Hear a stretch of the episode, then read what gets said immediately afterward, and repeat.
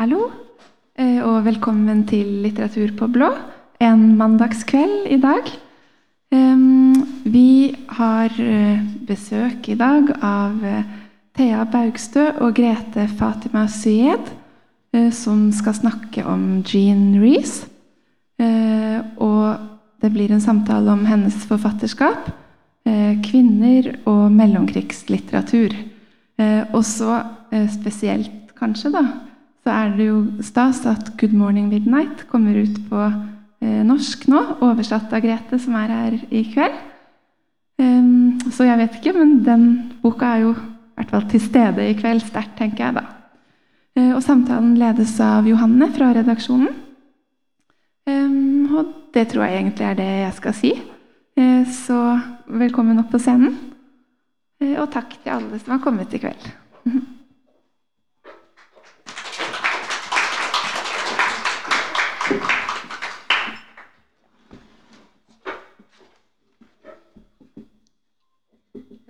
velkommen eh, Grete og Thea. Tusen takk. Skal vi få arrangere bøkene våre litt? Eh, jeg tenker egentlig at vi kan begynne med en gang. Eh, om hvor forholdet vårt til Jean Reece starta. Hvor ble du kjent med Jean Reece? Jeg kan ikke helt huske det, altså. Det må jeg bare si. Men jeg vet at det begynte med Wild Sagasso Si, som er jo den mest kjente, uten tvil, av bøkene hennes.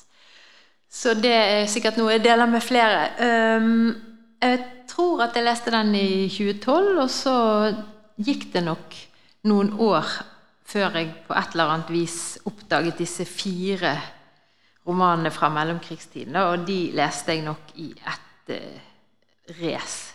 Så jeg, har, jeg klarer ikke helt å skille de fra hverandre inni hodet, for det er jo en god del likhetstrekk mellom de.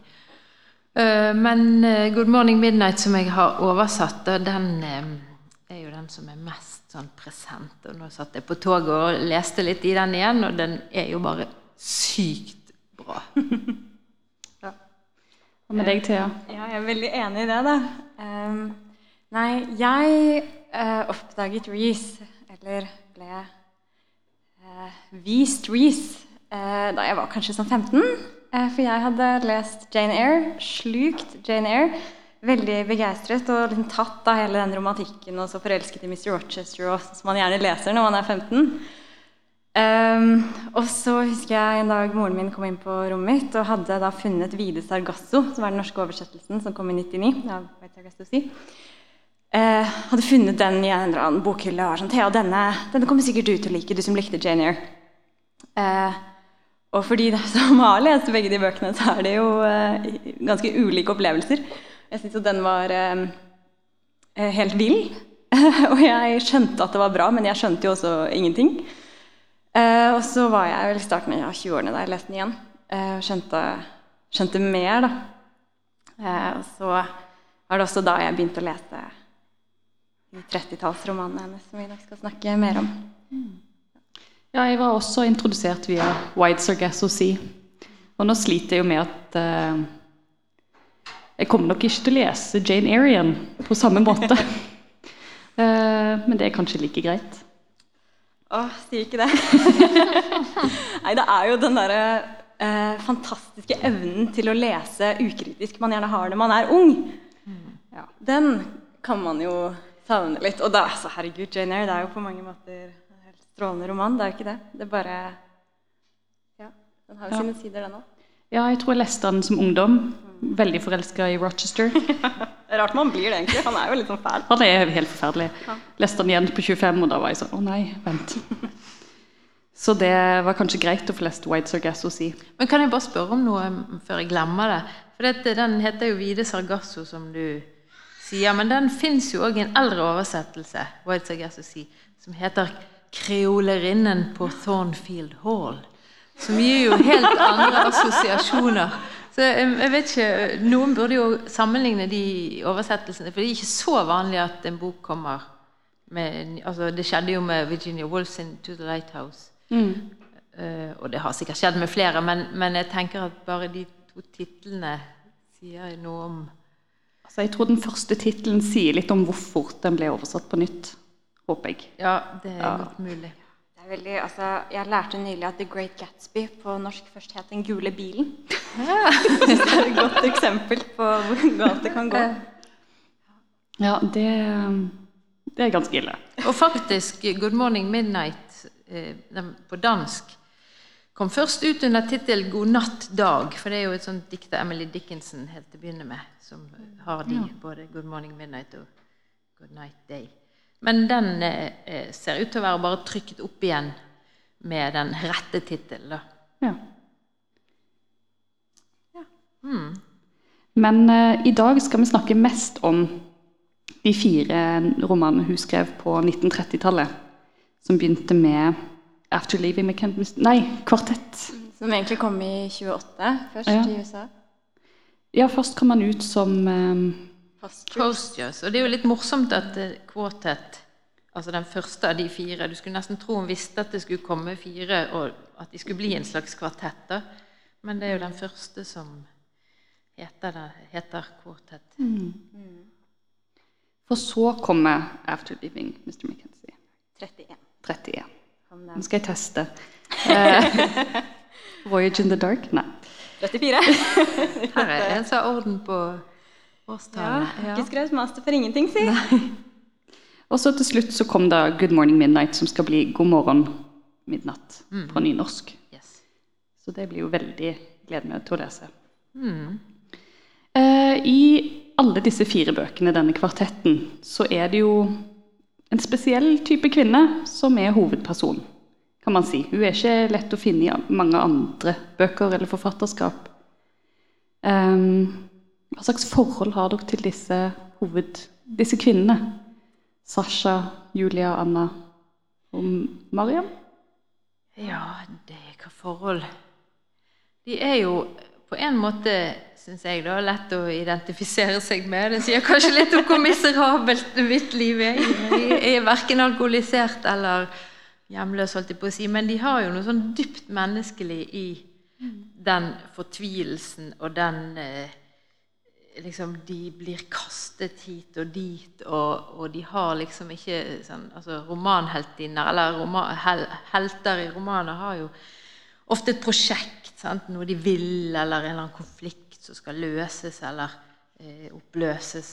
Men disse Det er liksom inn og ut av taxier og inn og ut av hotellrom, barer og restauranter. Menn kommer og går.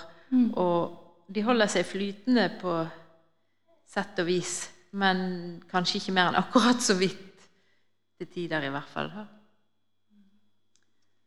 Ja, de er jo fryktelig Eller for å ta det litt tilbake først, da. Det var jo, det er, vi har jo den ideen om en Reece Woman, som jeg tror det første seriøse liksom, studiet av hennes forfatterskap, som kom sånn sent 70-tall, tror jeg. Eh, veldig kort tid etter at hun døde. Eh, kanskje mens hun fortsatt levde, faktisk. Så kom dette begrepet om denne Reece-kvinnen. Det var én type kvinne, at hun egentlig har skrevet om samme kvinne igjen og igjen. eh, som nok ligner på henne selv. Eh, og det er jo det er klart at det ligger eh, Det kan på mange måter være en sånn åpnende lesning. Ehm, og det er virkelig altså det som Greta er inne på her, og den derre hvor lite eh, Skal vi se eh,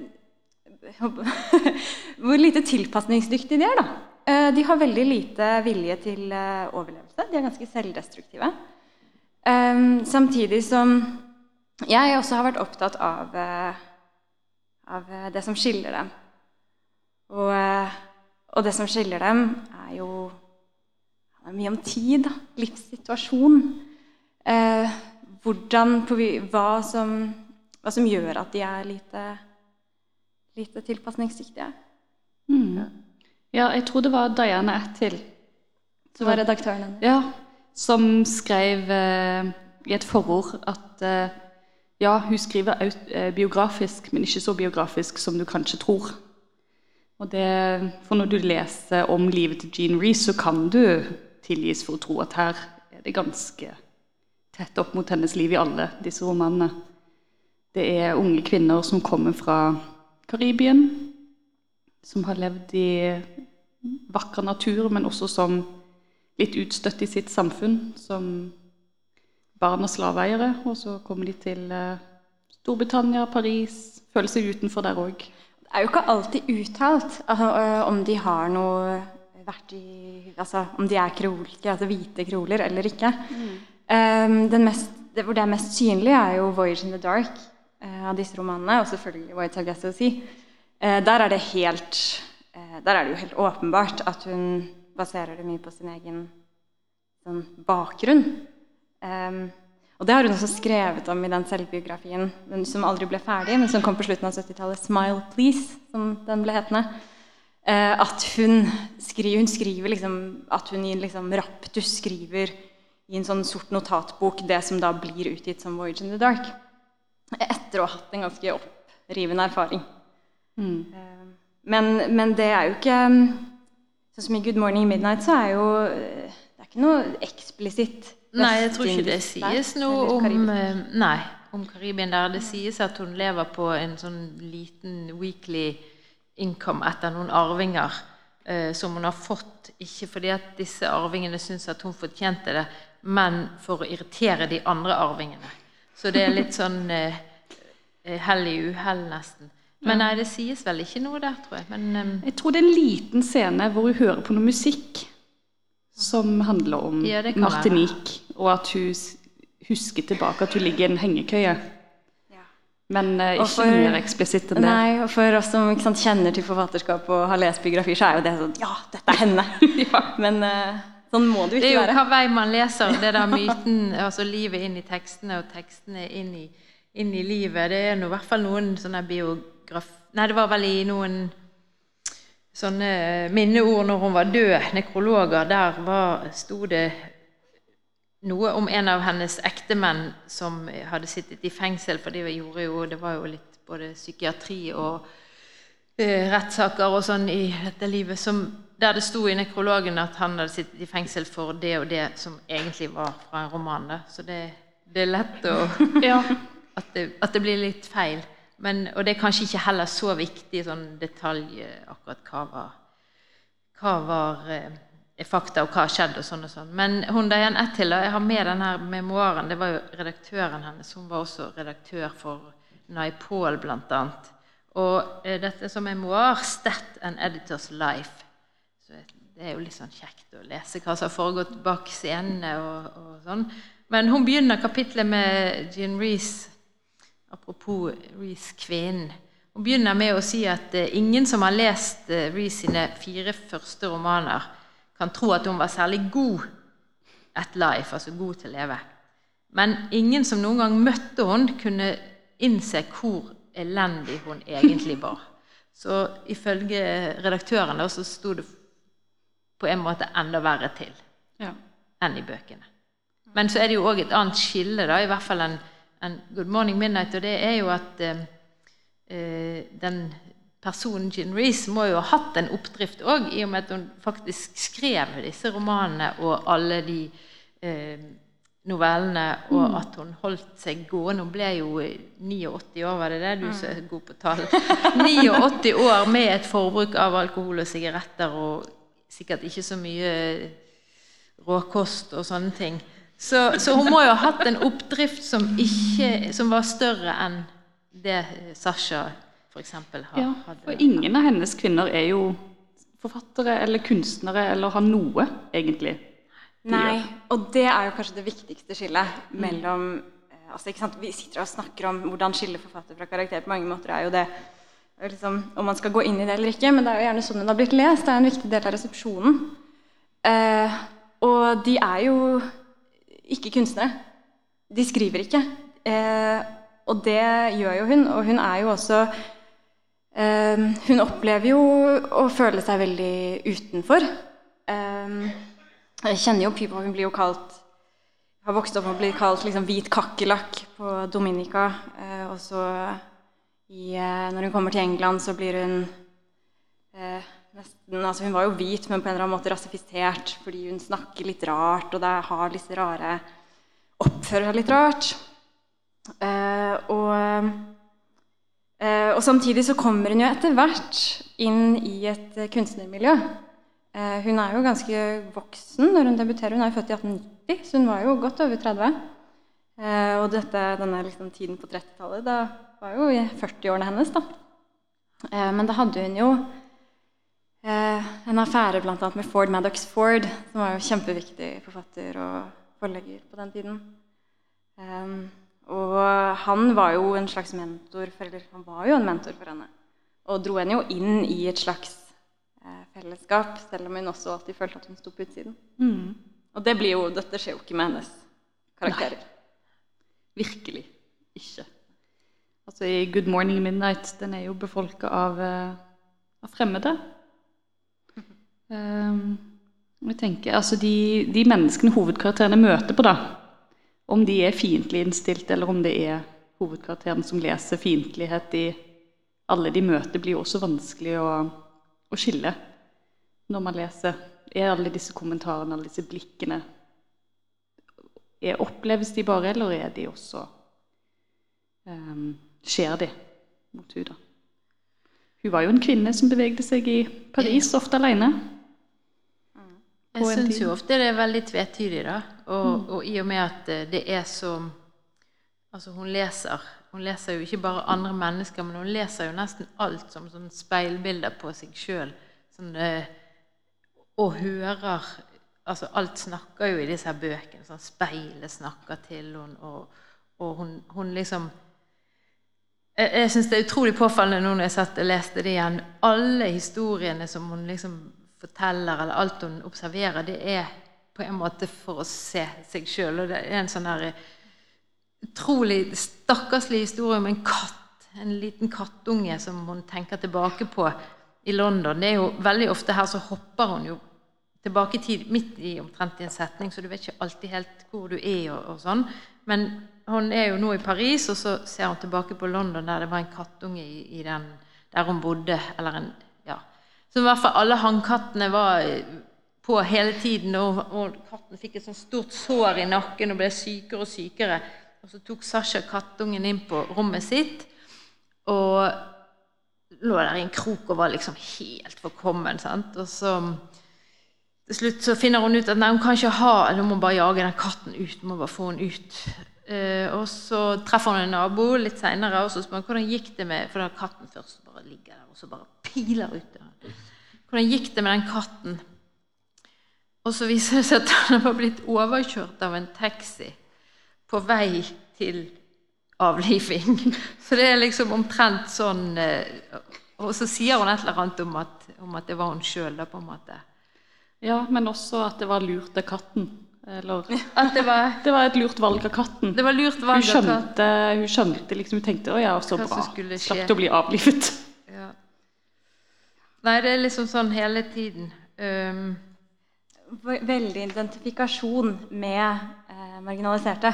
ja. Og eh, de som er utafor, enten det er en liksom, syk katt eller eh, det er jo også, Hun har jo blitt lest som altså, innenfor liksom, postkolonial teori, men det er jo ikke som om hun ikke har eh, rasistiske tendenser. Hun er jo født i 1890 som hvit kvinne på Dominica. Um, så, så det er jo også interessant å se hvordan hun, det finnes en identifikasjon med jøder, f.eks. Liksom, Europa 1930-tallet. Men også en, også en litt sånn Hun er jo også fordømmende i blikket sitt på, på eh, andre. Uh, det er klart at eh, og det, og En sånn barndomsforherligelse av liksom, den eh, dominikanske kulturen, liksom karnevalene, de, de sorte menneskene. Da. Hun skulle, I selvbiografien så skriver hun at hun skulle ønske hun selv var eh, sort. Um, men det er, noe, det er jo en sånn litt Å lese det med dagens øyne, det er jo en eksotifisering og noe litt ubehagelig ved det. I tillegg til at hun på sine eldre dager også eh, så litt sånn, syns det er litt kjipt at eh, de hvite ikke har så mye makt der lenger. Og, ja. Så, så eh, Men ja, likevel da en identifikasjon. Men hun, ja, for hun identifiserer seg med mange og fordømmer mange. Det er også fordømming av kvinner. Og fordømming av henne selv. Og seg selv. I både i på en måte brev, selvbiografi, men også disse karakterene. De jo, har jo ikke så god selvfølelse, da. Nei, jo mest, mest av seg sjøl, vil jeg si. Det, det Hun er absolutt hardest og svinger mest pisken over seg sjøl. Hun er liksom ikke god for noen ting, og hun kan like gjerne bare drikke seg i hjel. Liksom. Ja. Så i hvert fall sånn så jeg har opplevd de her bøkene, da, så er det en veldig sånn her eh, Ja, det er sånn er omtrent så lavt nede som det går an å, å komme. Men uten på en måte Altså, Det er jo ikke selvmedlidende, selv om hun gråter jo ganske mye.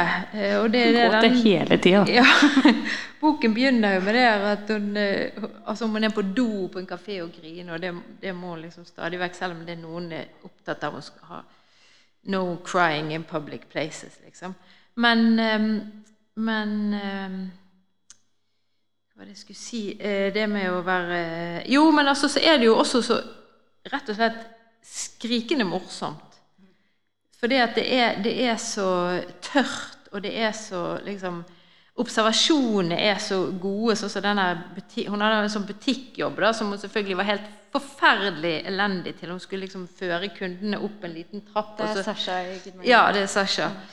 Og så gjør hun bare alt galt. Det kommer en sånn sjef fra England og spør hvor mange språk hun kan, og så svarer hun bare ett. Men hun kan jo egentlig Hun skal jo liksom kunne både fransk og tysk og alt sånt. Og så eh, og så klarer hun ikke å levere et brev som hun skal levere til eh, kassen. Da. Så roter hun rundt, og hver gang hun åpner en dør, så kommer hun inn på et do, for det er så mange do der, i det der eh, varemagasinet. Og så til slutt må hun gå tilbake med den der eh, og sier 'nei, jeg fant den ikke'. Og sånn. 'Fant du ikke kassen?' Liksom, hvor, hvor elendig går det an å være? Men så har hun en sånn observasjon, jeg tror det er der på slutten, da, Åh, Hvorfor kunne ikke hun vært som en av disse dukken, utstillingsdukkene? Sant? Hvor fantastisk de er. Liksom Silkehud og eh, eh, ferskenkinner, eller hva de nå er. Og hjerte av sagmugg. Det er liksom det, det er sånn der eh, utrolig bra timing, utrolig bra sånn stilistisk. Ja.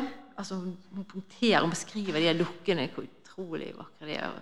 Hvorfor kunne ikke være som en sånn utstillingsdukke med silke, ferskenhud, eller hva det nå er, og hjerte av sagmugg.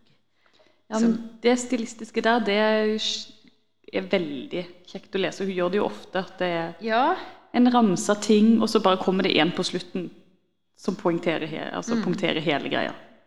Det er også et godt eksempel, fordi eh, hun føler seg jo at alle, altså alle fordømmer henne jo. Det er jo hele Egentlig alle disse kvinnene i disse trettetallsromanene jo, føler seg ekstremt iakttatt eh, og syns det er forferdelig ubehagelig. Alle liksom ser på dem med det ondeste blikket. Eh, og måten de håndterer det på, ofte er jo å sminke seg og ta på pene klær. Og de er veldig opptatt av utseendet. Eh, og det var jo Jean Reece også. Det er veldig flott å se på bilder av henne som spesielt som gammel kvinne. For det var masse sminke og flotte klær. og tok seg på mange måter godt ut. Da. Men eh, det er også det er, derre- det er så komisk å lese om hvor viktig det er. Hele sånn stor konflikt i Good Morning Midnight er en, en pelskåpe. Om vi skal beholde den eller ikke. Eh, og så er det jo fryktelig trist. da. Ja. og, og så hvis jeg bare kan legge til én ting, for det, nå har jo jeg lest Alberte, Kåre sin Alberte-trilogi akkurat om igjen. Og eh, jeg har jo vært av Torborg Nedreås, og de òg var jo veldig flotte damer med hatter og sigarettmunnstykker og sånn.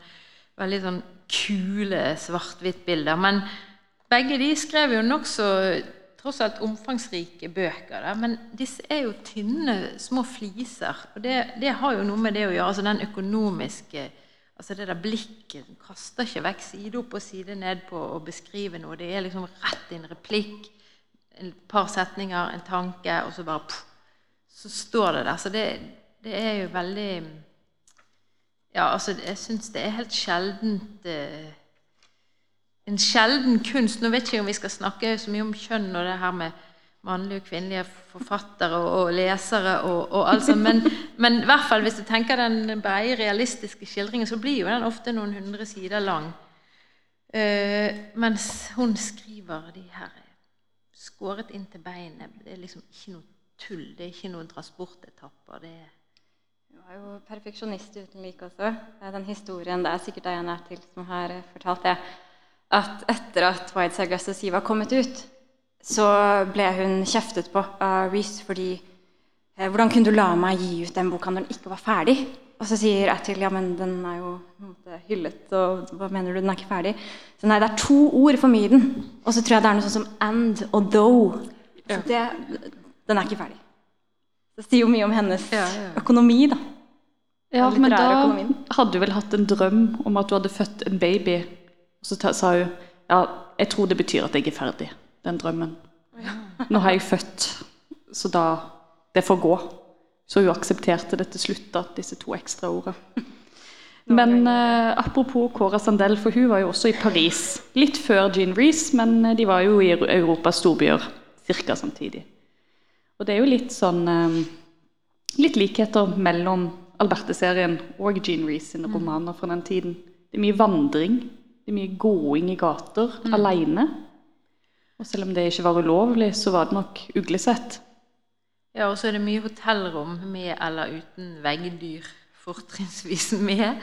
I hvert fall ganske mye. Men der er jo den forskjellen som eh, Thea var inne på, at eh, de eh, blir jo Altså, hun blir jo forfatter, Alberte. Og hun opp, er i et kunstnermiljø i Altså, det er jo tre bind. Første bind er i, i nord, altså Tromsø, da, eller en by som ligner på Tromsø. Alberte og Jakob. Og så er det Alberte og friheten som er kanskje den som ligner mest. Der hun vandrer og vandrer og vandrer. Men, eh, men hun har jo den der eh, kunstneren i seg, da, som skal på en måte forløses. Og i bind tre så får jo hun ganske mye sånn eh, Hun blir dyttet i av han her Pierre, som vil at nå, nå må hun jammen skjerpe seg og gjøre det. Og der er det han understreker jo også hvor hjelpeløs hun er i alt annet enn det å kunne Han vet, jo ikke om hun kan skrive, for Pierre er jo fransk, og Alberte skriver jo på norsk, men hun gjør det i hvert fall. Mens han, han igjen og igjen eh, ser på når hun prøver å sy, og det er liksom bare ja, tydelig at de der stingene går på De ser ikke ut i måneskinn. Hun kan ingenting annet. Samme når hun skal altså, De, da, de er på et sånt sommerhus i Britannia, og så har um, er det to par Ja, det er i hvert fall to barn der, da. Og dette lille franske barnet er jo alltid uh, eh, pen i tøyet, ren, leker og er selvstendig og flink, mens denne lille sønnen til Alberte, han er bare Han tør ikke svømme, og han sutrer, og han er skitten og har disse klærne som Alberte har sydd, eh, som, hun, ja, som ikke ser ut i måneskinn. Men det, det franske barnet blir jo da vasket med eau de cologne, så jeg vet ikke, for de kanskje foretrekke litt skitt, da, men, eh, men ja, der er noen likheter der. Og, og, men jeg har prøvd å finne ut, og det er ikke så lett å finne ut eh, om de kan ha vært i de samme på en måte strøkene, eller eh, Jo, det var i de samme strøkene, for det var jo på venstre elvebredd, sant? og Latinakvartalet og, kvarter, og Montparnasse, det var jo der de, de holdt seg. Men eh, der er noen likheter, så det hadde vært utrolig artig å, å se om de kan ha krysset veier, på en måte. Men eh, Cora Sandel var jo ti år eldre enn en Jean Reece. Men de kom, Sandel kom til Paris i 1906, og Jean Reece kom til London i 1906. Så de, de kom liksom til det urbane, moderniteten med alt sitt grå støv og sånn samtidig. Ja. Og de debuterte jo samtidig, og de var jo godt voksne. Nei, for uh, Alberte vandrer. Hun går, og hun er mye på hotellrom. Uh, og Jean Reece er jo helt fantastisk når hun beskriver hotellrom i alle disse bøkene. De damene her de befinner seg altså i de mest tarvelige pensjonat og hoteller som fins, og de er alltid på leit etter neste enten billige rom eller finere rom. Alt etter hvor mye penger de har. Og de kommer til et nytt rom, men det er alltid det samme rommet. Og det er ofte en eller annen landlady, Ja. en dame, den kvinne som forvalter disse rommene. Eh, og det er det enten det er pensjonat, eller om det er et sted hun bor for hun skal jobbe der. Det er um, Anna Morgan, som er da hovedpersonen i, Good Mor nei, i Voyage in the Dark, hun flytter jo inn hos en, liksom, en dame som skal være veldig respektabel eh, massøse. Så insisterer jo altfor hardt på at hun er respektabel, selvfølgelig. Um, som også, hun har jo samme funksjon som disse landladyene i liksom å skulle utnytte da Annas eh, ungdom og skjønnhet da, for eh, egen økonomisk eh, kapital. Eh, men også på en måte fordømmer den livsstilen som er veldig til stede i disse tarvelige rommene, som ofte er, er liksom, De er så de er liksom seksuelt kodet òg, med røde fløyelsgardiner og. To senger i uh, Good Morning Midnight. Men uh, Grete, du skal lese litt om disse hotellrommene ja. fra God morgen midnatt. Jeg lurer på om jeg skal lese begynnelsen først. Den er jo veldig kjent. Da. Den er litt kort. For det er jo et rom som snakker til hun Sasha. Jeg tar meg den frihet å lese et lite kort utdrag og et litt lengre. da. Begynnelsen er sånn. Akkurat som i gamle dager, sier rommet. Ja? Nei? Det er to senger, ei stor til madame og ei mindre på andre sida til monsieur. Vaskevassfatet er bak ei gardin. Det er et stort rom. Lukta av billig hotell er svak, nesten umerkelig. Gata utenfor er smal, brusteinslagd. Den går bratt oppover og ender i ei trapp. Det en kaller en blindveg. Jeg har vært her fem dager. Jeg har bestemt meg for en stad å ete midt på dagen, en stad å ete om kvelden, en stad å ta drinken min etter middag. Jeg har ordna det vesle livet mitt. Så Det er begynnelsen. Da kommer hun vært der i fem dager, og det er måten å ordne livet det er å ha noen sånne rigide Gå på den kafeen, ikke på den. Gå i den gaten. ikke den. Men så, etter en stund, så finner hun ut at hun må finne et annet hotell. Og da går det sånn. Jeg må finne et annet hotell. Jeg kjenner meg sjuk og svimmel. Jeg får heller ta en taxi. Hvor til? Jeg kommer på at jeg har en adresse i veska, en brosjyre med bilete. Og nå kommer min fransk. Pardon my French. Le hall, le restaurant, le lounge. Et soverom med bad, et soverom uten bad, osv. Alt høgst respektabelt. Det er plassen for meg. Det er en pikkolo i døra, og ved skranken i resepsjonen ei gråhåra kvinne og en glatt ung mann. Jeg trenger et rom for i natt. Et rom, et rom med bad. Jeg kjenner meg fremdeles sjuk og svimmel. Jeg lener meg fram og sier fortrolig et lyst rom. Den unge mannen hever øynebryna og stirrer på meg. Jeg prøver igjen. Jeg vil ikke ha et rom med utsikt til gardsplassen. Jeg vil ha et lyst rom. Et lyst rom, sier oldfrua tenksom. Hun blar, hun blar i bøkene sine, prøver å finne et lyst rom. Vi har 219, sier hun. Et nydelig rom med bad. 74 frank per natt. Parentes. Gud, det har jeg ikke råd til. Parentes. Det er et helt nydelig rom med bad. To vinduer, svært lyst, sier hun overtalende. Jeg roper på ei jente som kan vise meg rommet. Idet vi skal til å gå bort til heisen, sier den unge mannen, han mumler det ut av munnviken, du veit jo at 219 er opptatt. Å nei da, 219 fikk regninga i forgårs, sier resepsjonisten. Jeg husker det, det var jeg som ga den til han. Jeg hører engstelig på denne samtalen. Plutselig kjenner jeg at jeg må ha rom 219 med bad. 219 med rosefarga gardiner, teppe og bad. Jeg kommer umiddelbart til å eksistere på et helt annet plan hvis jeg kan få dette rommet, om det så bare er for et par netter. Det kommer til å være et omen. Hvem sier en ikke kan slippe unna lagnaden? Jeg skal slippe unna min inn på rom 219. Bare prøv meg, gi meg en sjanse. Han spurte etter regninga, sier den unge mannen med ei stemme som triumferer av forakt og kynisme. Han spurte etter regninga, men det betyr ikke at han har reist. Resepsjonisten begynner å krangle. Når folk ber om regninga, er det fordi de skal reise, er det ikke? Jau, sier han. Franske gjester. De andre ber om regninga for å se om vi har tenkt å snyte deg. Å Gud, sier resepsjonisten. Utlendinger, utlendinger, å Gud. Den unge mannen snur ryggen til og fjerner seg helt fra det som går føre seg. 219. Vel, nå veit jeg alt om han. Hele tida medan de snakker, ser jeg han. Buksene, skoene, måten han kjemmer håret på, hva slags jenter han liker. Håndveska er lysegul, og han har mage. Men jeg kan ikke se ansiktet hans. Han har maske på, nummer 219. Vis dame 334.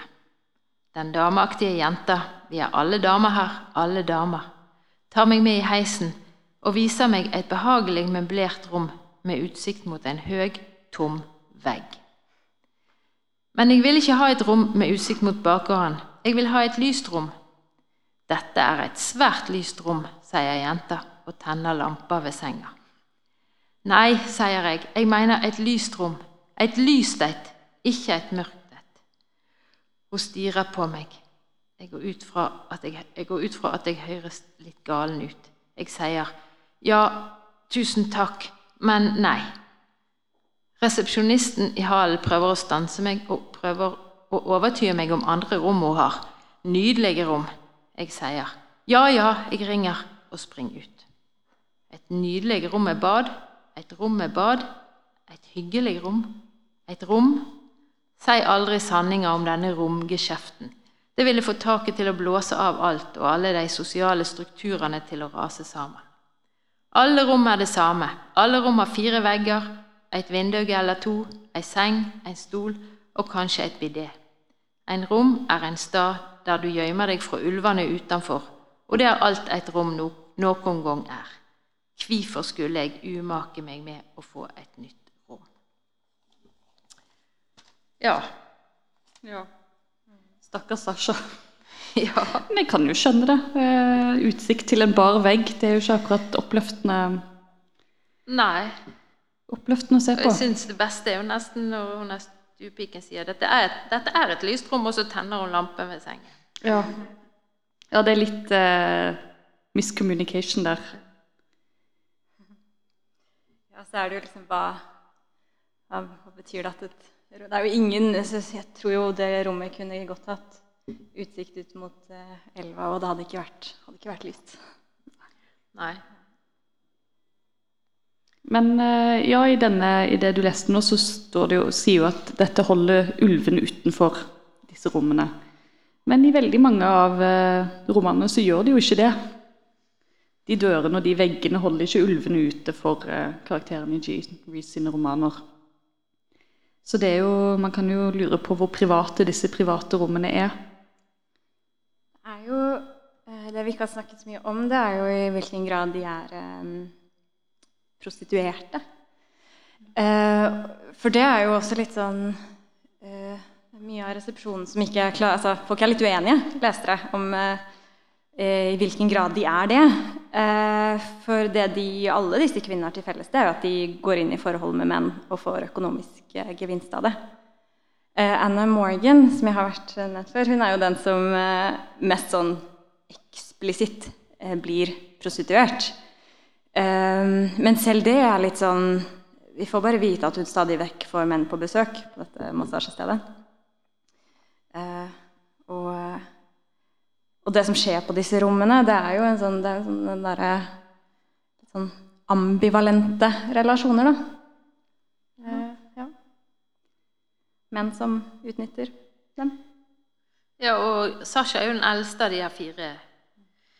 Og hun blir jo òg altså Hun blir jo passet opp på gaten av en eh, gigolo, så hun blir jo tatt for å være i andre enden av den transaksjonen. Men det er jo felles at de her følelsesmessige forholdene de, de er ikke skilt fra penger og ja, ha et rom eller noe mat eller vin eller hva det måtte være. Så det er noen sånne grenseland hele, hele veien som hun ser på med en slags sånn blanding av kynisme og hudløshet. da, på en måte.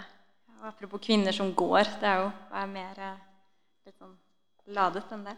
Ja, for Cora Sandel, eller Alberte, blir jo også sjekket opp og antatt for å være prostituert når hun går gatelangs Ja. på natta. Det var egentlig ikke kvinner, anstendige damer, som gjorde det. Eh, ja, og som du sier, økonomisk gevinst. Mange av disse damene, og Jean Reece selv, ble jo opprettholdt økonomisk av menn som de hadde vært i forhold med, men ikke var i forhold med lenger. Eh, bitte små summer som de fikk ukentlig eller En jevnlig. En periode. Jeg tror, jeg hørte en sånn podkast med Per Petterson og Tone Selvo. Per Petterson er jo en av de få som liksom har holdt Reece sin fane høyt i, i Norge. Jeg tror nok at han eh, ja, Han har jo sagt det flere ganger at han, han setter veldig pris på de bøkene. Men han i den podkasten Det er veldig 'After Leaving Mr. McKenzie', tror jeg.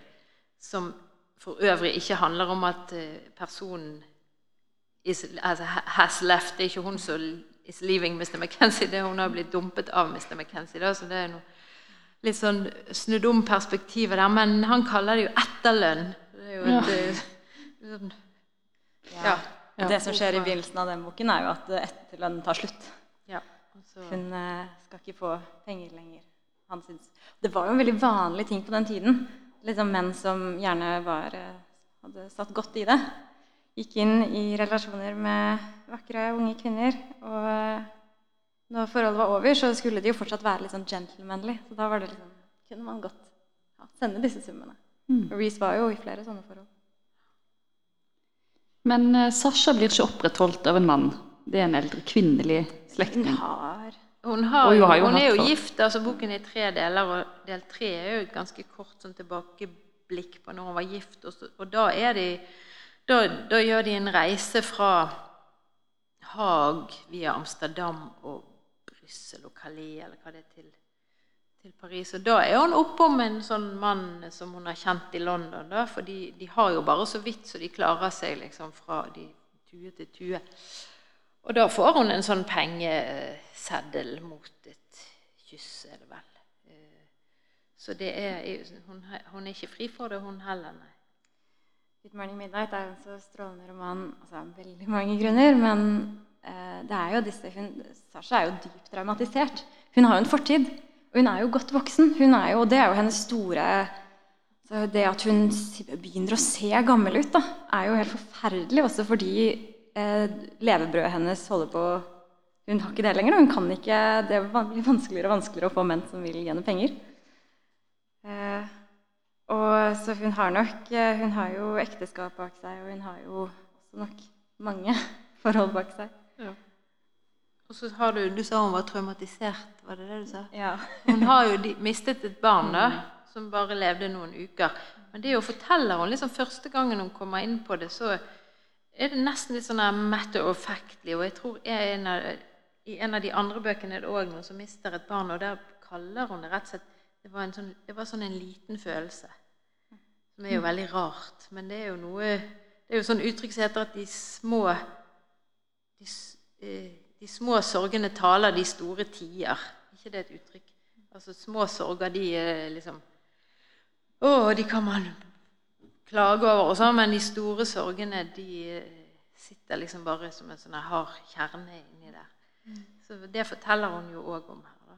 Det er jo altså den passasjen hvor det er, hun tenker tilbake på det barnet som døde.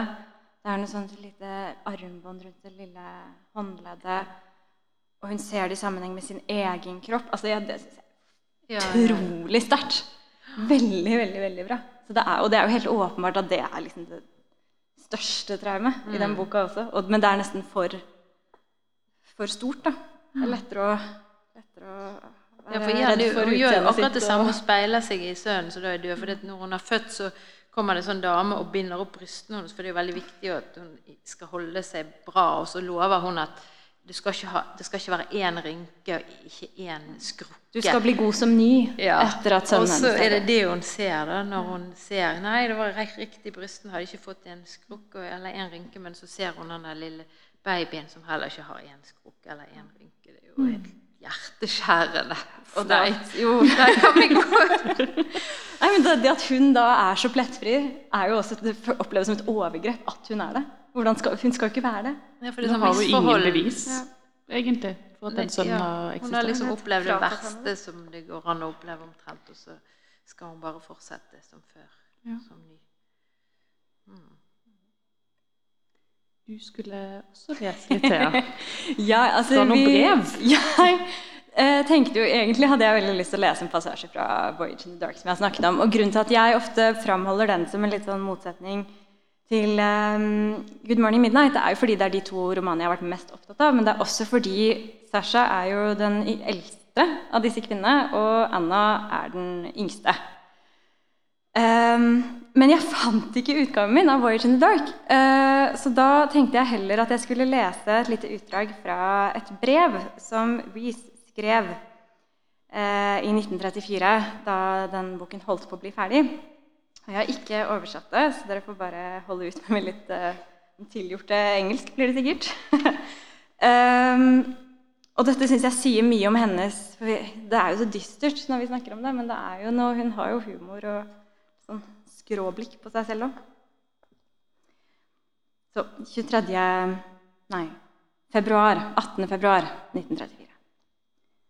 My dear Evelyn, thank you for your letter more than I can say. You don't know how damn pleased I am when you write.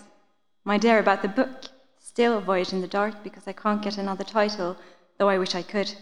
It is still being typed. Leslie had an awful rush of work at Harp- Harper's end of last month and beginning of this.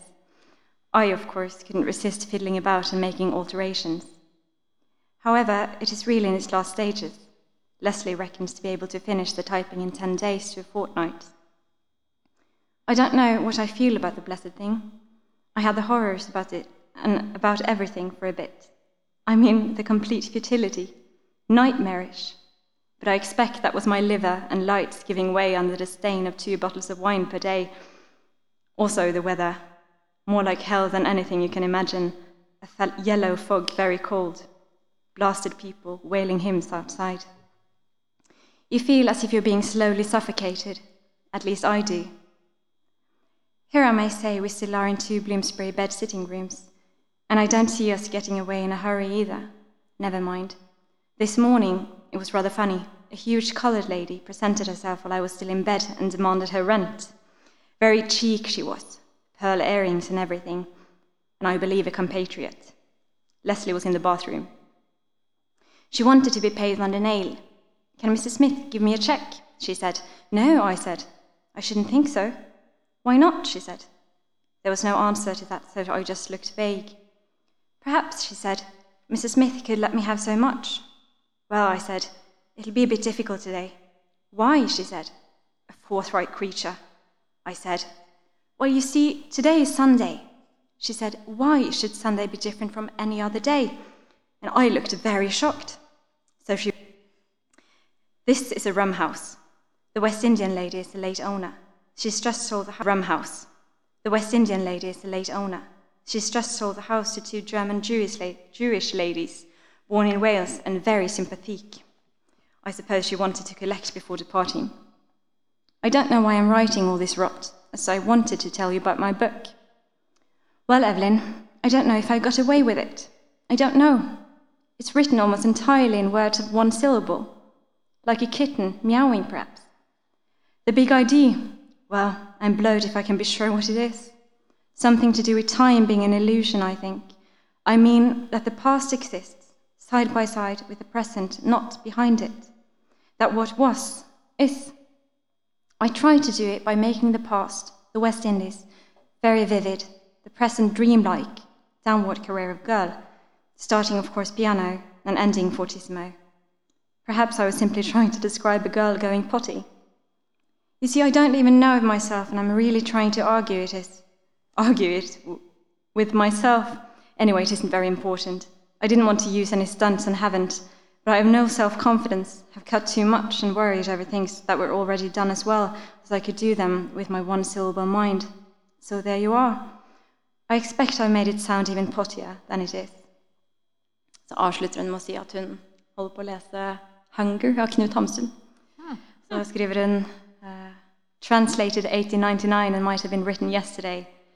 Det er veldig gøy, fordi det er jo gjerne det jeg tenker når jeg leser Reece også, at det er veldig, veldig moderne språk.